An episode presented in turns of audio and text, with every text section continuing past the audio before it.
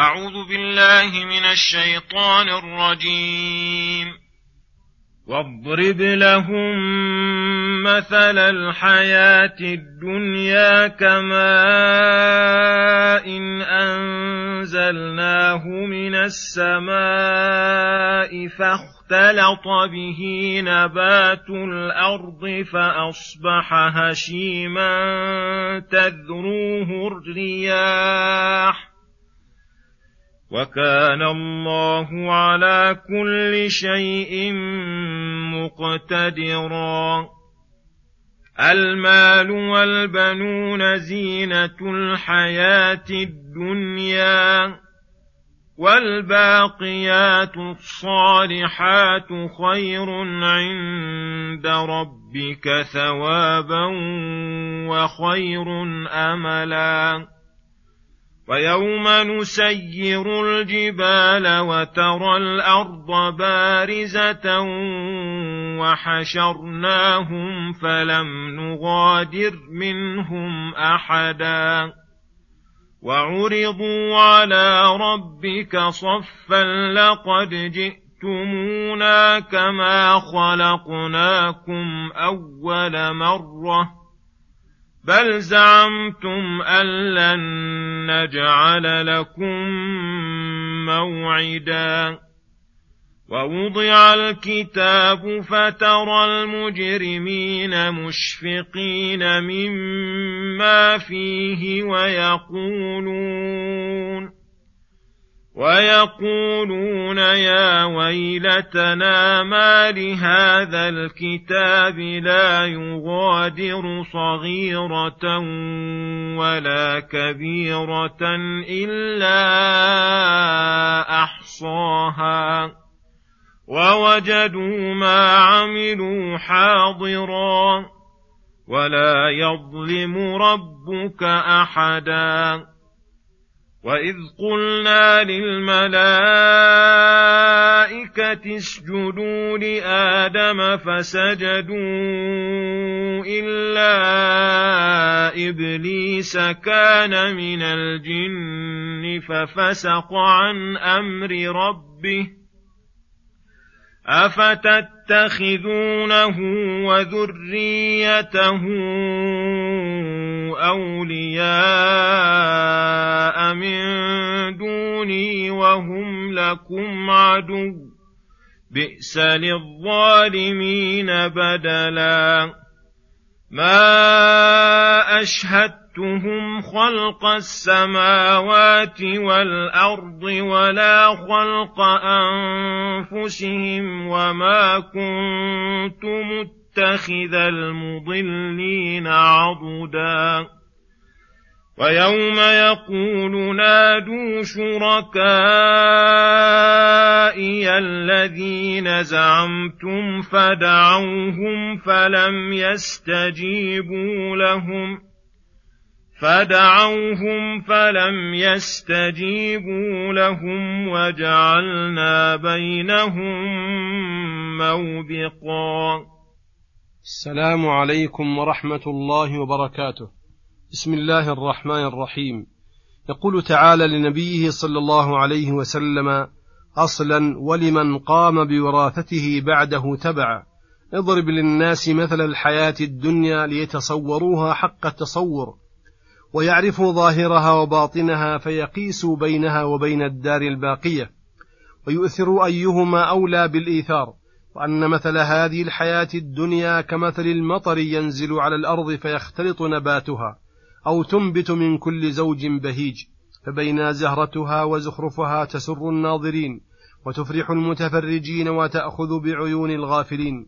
إذ أصبحت هشيما تذروه الرياح فذهب ذلك النبات الناضر والزهر الزاهر والمنظر البهي واصبحت الأرض غبراء ترابا قد انحرف عنها النظر وصدف عنها البصر وأوحشت القلب. كذلك هذه الدنيا بينما صاحبها قد أعجب بشبابه وفاق فيها على أقرانه وأترابه وحصل درهمها ودينارها واقتطف من لذته أزهارها وخاض في الشهوات في جميع أوقاته وظن أنه لا يزال فيها سائر أيامه إذ أصابه الموت أو التلف لماله. فذهب عنه سروره وزالت لذته وحبوره واستوحش قلبه من الآلام وفارق شبابه وقوته وماله وانفرد بصالح أو سيء أعماله. هنالك يعض الظالم على يديه حين يعلم حقيقة ما هو عليه ويتمنى العودة إلى الدنيا لا ليستكمل الشهوات بل ليستدرك ما فرط منه من الغفلات بالتوبة والأعمال الصالحة. فالعاقل الحازم الموفق يعرض على, هذ على نفسه هذه الحالة ويقول نفسه قدري أنك قد مت ولا بد أن تموتي فأي الحالتين تختارين؟ الاغترار بزخرف, بزخرف هذه الدار والتمتع بها كتمتع الأنعام السارحة أم العمل لدار أكلها دائم وظلها ظليل وفيها ما تشتهيه الأنفس وتلذ الأعين؟ فبهذا يعرف توفيق العبد من خذلانه وربحه من خسرانه ولهذا أخبر تعالى أن المال والبنين زينة الحياة الدنيا أي ليس وراء ذلك شيء وأن الذي يبقى للإنسان وينفعه ويسره الباقيات الصالحات.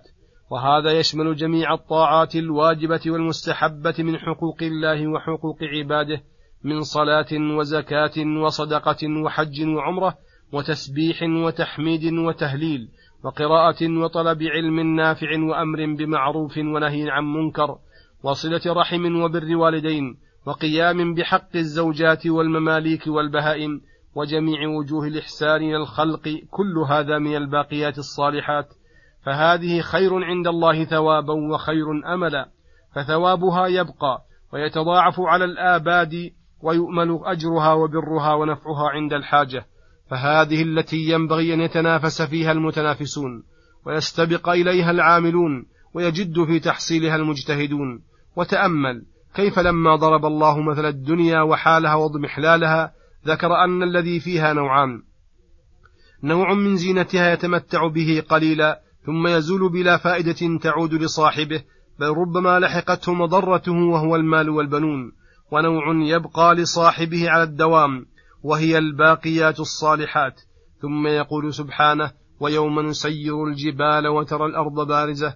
الآية أخبر تعالى عن حال يوم القيامة وما فيه من الأهوال المقلقة والشدائد المزعجة فقال ويوم نسير الجبال أي يزيلها عن أماكنها يجعلها كثيبا ثم يجعلها كالعهن المنفوش ثم تضمحل وتتلاشى وتكون هباء منبثا وتبرز الأرض فتصير قاعا صفصفا لا عوج فيه ولا أمتا ويحشر الله جميع الخلق على تلك الأرض فلا يغادر منهم أحدا بل يجمع الأولين والآخرين من بطون الفلوات وقعور البحار ويجمعهم بعدما تفرقوا ويعيدهم بعدما تمزقوا خلقا جديدا فيعرضون عليه صفا ليستعرضهم وينظر في أعمالهم ويحكم فيهم بحكمه العدل الذي لا جور فيه ولا ظلم ويقول لهم لقد جئتمونا كما خلقناكم أول مرة أي بلا مال ولا أهل ولا عشيرة ما معهم إلا الأعمال التي عملوها والمكاسب في الخير والشر التي كسبوها كما قال تعالى ولقد جئتم ولقد جئتمونا فرادا كما خلقناكم أول مرة وتركنا وتركتم ما خولناكم وراء ظهوركم وما نرى معكم شفعاءكم الذين زعمتم أنهم فيكم شركاء. وقال هنا مخاطبا للمنكرين بالبعث وقد شاهدوه عيانا بل زعمتم أن لن نجعلكم موعدا أي أنكرتم الجزاء على الأعمال. ووعد الله وعيده ووعد الله وعيده فها قد رأيتموه وذقتموه فحينئذ تحضر كتب الأعمال التي كتبها الملائكة الأبرار فتطير لها القلوب وتعظم من وقعها الكروب وتكاد لها الصم الصلاب تذوب ويشفق منها المجرمون فإذا رأوها مسطرة عليهم أعمالهم محصن عليهم أقوالهم وأفعالهم قالوا يا ويلتنا ما لهذا الكتاب لا يغادر صغيرة ولا كبيرة إلا أحصاها. أي لا يترك خطيئة صغيرة ولا كبيرة إلا وهي مكتوبة فيه محفوظة لم ينس, لم ينس منها عمل سر ولا علانية ولا ليل ولا نهار. ووجدوا ما عملوا حاضرا لا يقدرون على إنكاره ولا يظلم ربك أحدا فحينئذ يجازون بها ويقررون بها ويخزون ويحق عليهم العذاب. ذلك بما قدمت أيديهم وأن الله ليس بظلام للعبيد بل هم غير خارجين عن عدله وفضله. ثم يقول سبحانه وإذ قلنا للملائكة, للملائكة اسجدوا لآدم. يخبر تعالى عن عداوة إبليس لآدم وذريته وأن الله أمر الملائكة بالسجود لآدم إكراما وتعظيما وامتثالا لأمر الله. فامتثلوا ذلك فامتثلوا ذلك إلا إبليس كان من الجن ففسق عن أمر ربه. وقال أأسجد لمن خلقته لمن خلقت طينا؟ وقال أنا خير منه. فتبين بهذا عداوته لله ولأبيكم فكيف تتخذونه وذريته؟ أي الشياطين أولياء من دوني وهم لكم عدو بئس للظالمين بدلا. أي بئس ما اختاروا لأنفسهم من ولاية الشيطان الذي لا يأمرهم إلا بالفحشاء والمنكر عن ولاية الرحمن الذي كل السعادة والفلاح والسرور في ولايته. وفي هذه الآية الحث على اتخاذ الشيطان عدوا والإغراء بذلك وذكر السبب الموجب ذلك وأنه لا يفعل ذلك إلا ظالم وأي علم أعظم من ظلم من اتخذ عدوه الحقيقي وليا وترك الولي الحميد.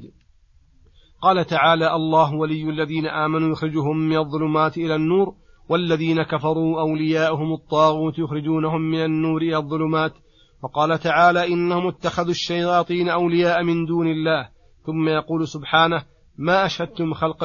ما أشهدتم خلق السماوات والأرض؟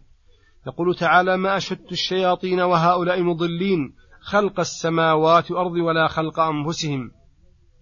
أي ما أحضرتم ذلك ولا شاورتم عليه فكيف يكونون خالقين لشيء من ذلك؟ بل المنفرد بالخلق والتدبير والحكمة والتقدير هو الله خالق الأشياء كلها المتصرف فيها بحكمته. فكيف يجعل له شركاء من الشياطين يوالون ويطاعون كما يطاع الله وهم لم يخلقوا ولم يشهدوا خلقا ولم يعاونوا الله تعالى؟ ولهذا قال وما كنت متخذ المضلين عضدا. أي معاونين مظهرين لله على شأن من الشؤون أي ما ينبغي ولا يليق بالله أن يجعلهم قسطا من التدبير لأنهم ساعون في إضلال الخلق والعداوة ربهم فاللائق أن يقصيهم ولا يدنيهم.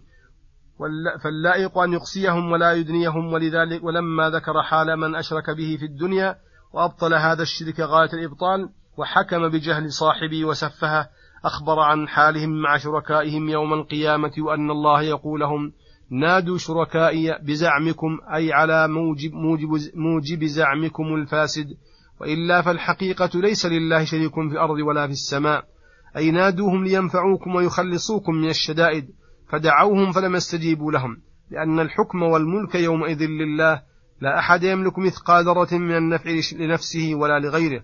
وجعلنا بينهم أي بين المشركين وشركائهم موبقا أي مهلكا يفرق, في يفرق بينهم وبينهم. ويبعد بعضهم من بعض ويتبين حينئذ عداوة الشركاء شركائهم وكفرهم بهم وتبريهم منهم كما قال تعالى وإذا حشر الناس كانوا لهم أعداء وكانوا بعبادتهم كافرين. صلى الله وسلم على نبينا محمد وعلى آله وصحبه أجمعين. وإلى الحلقة القادمة غدا إن شاء الله. والسلام عليكم ورحمة الله وبركاته.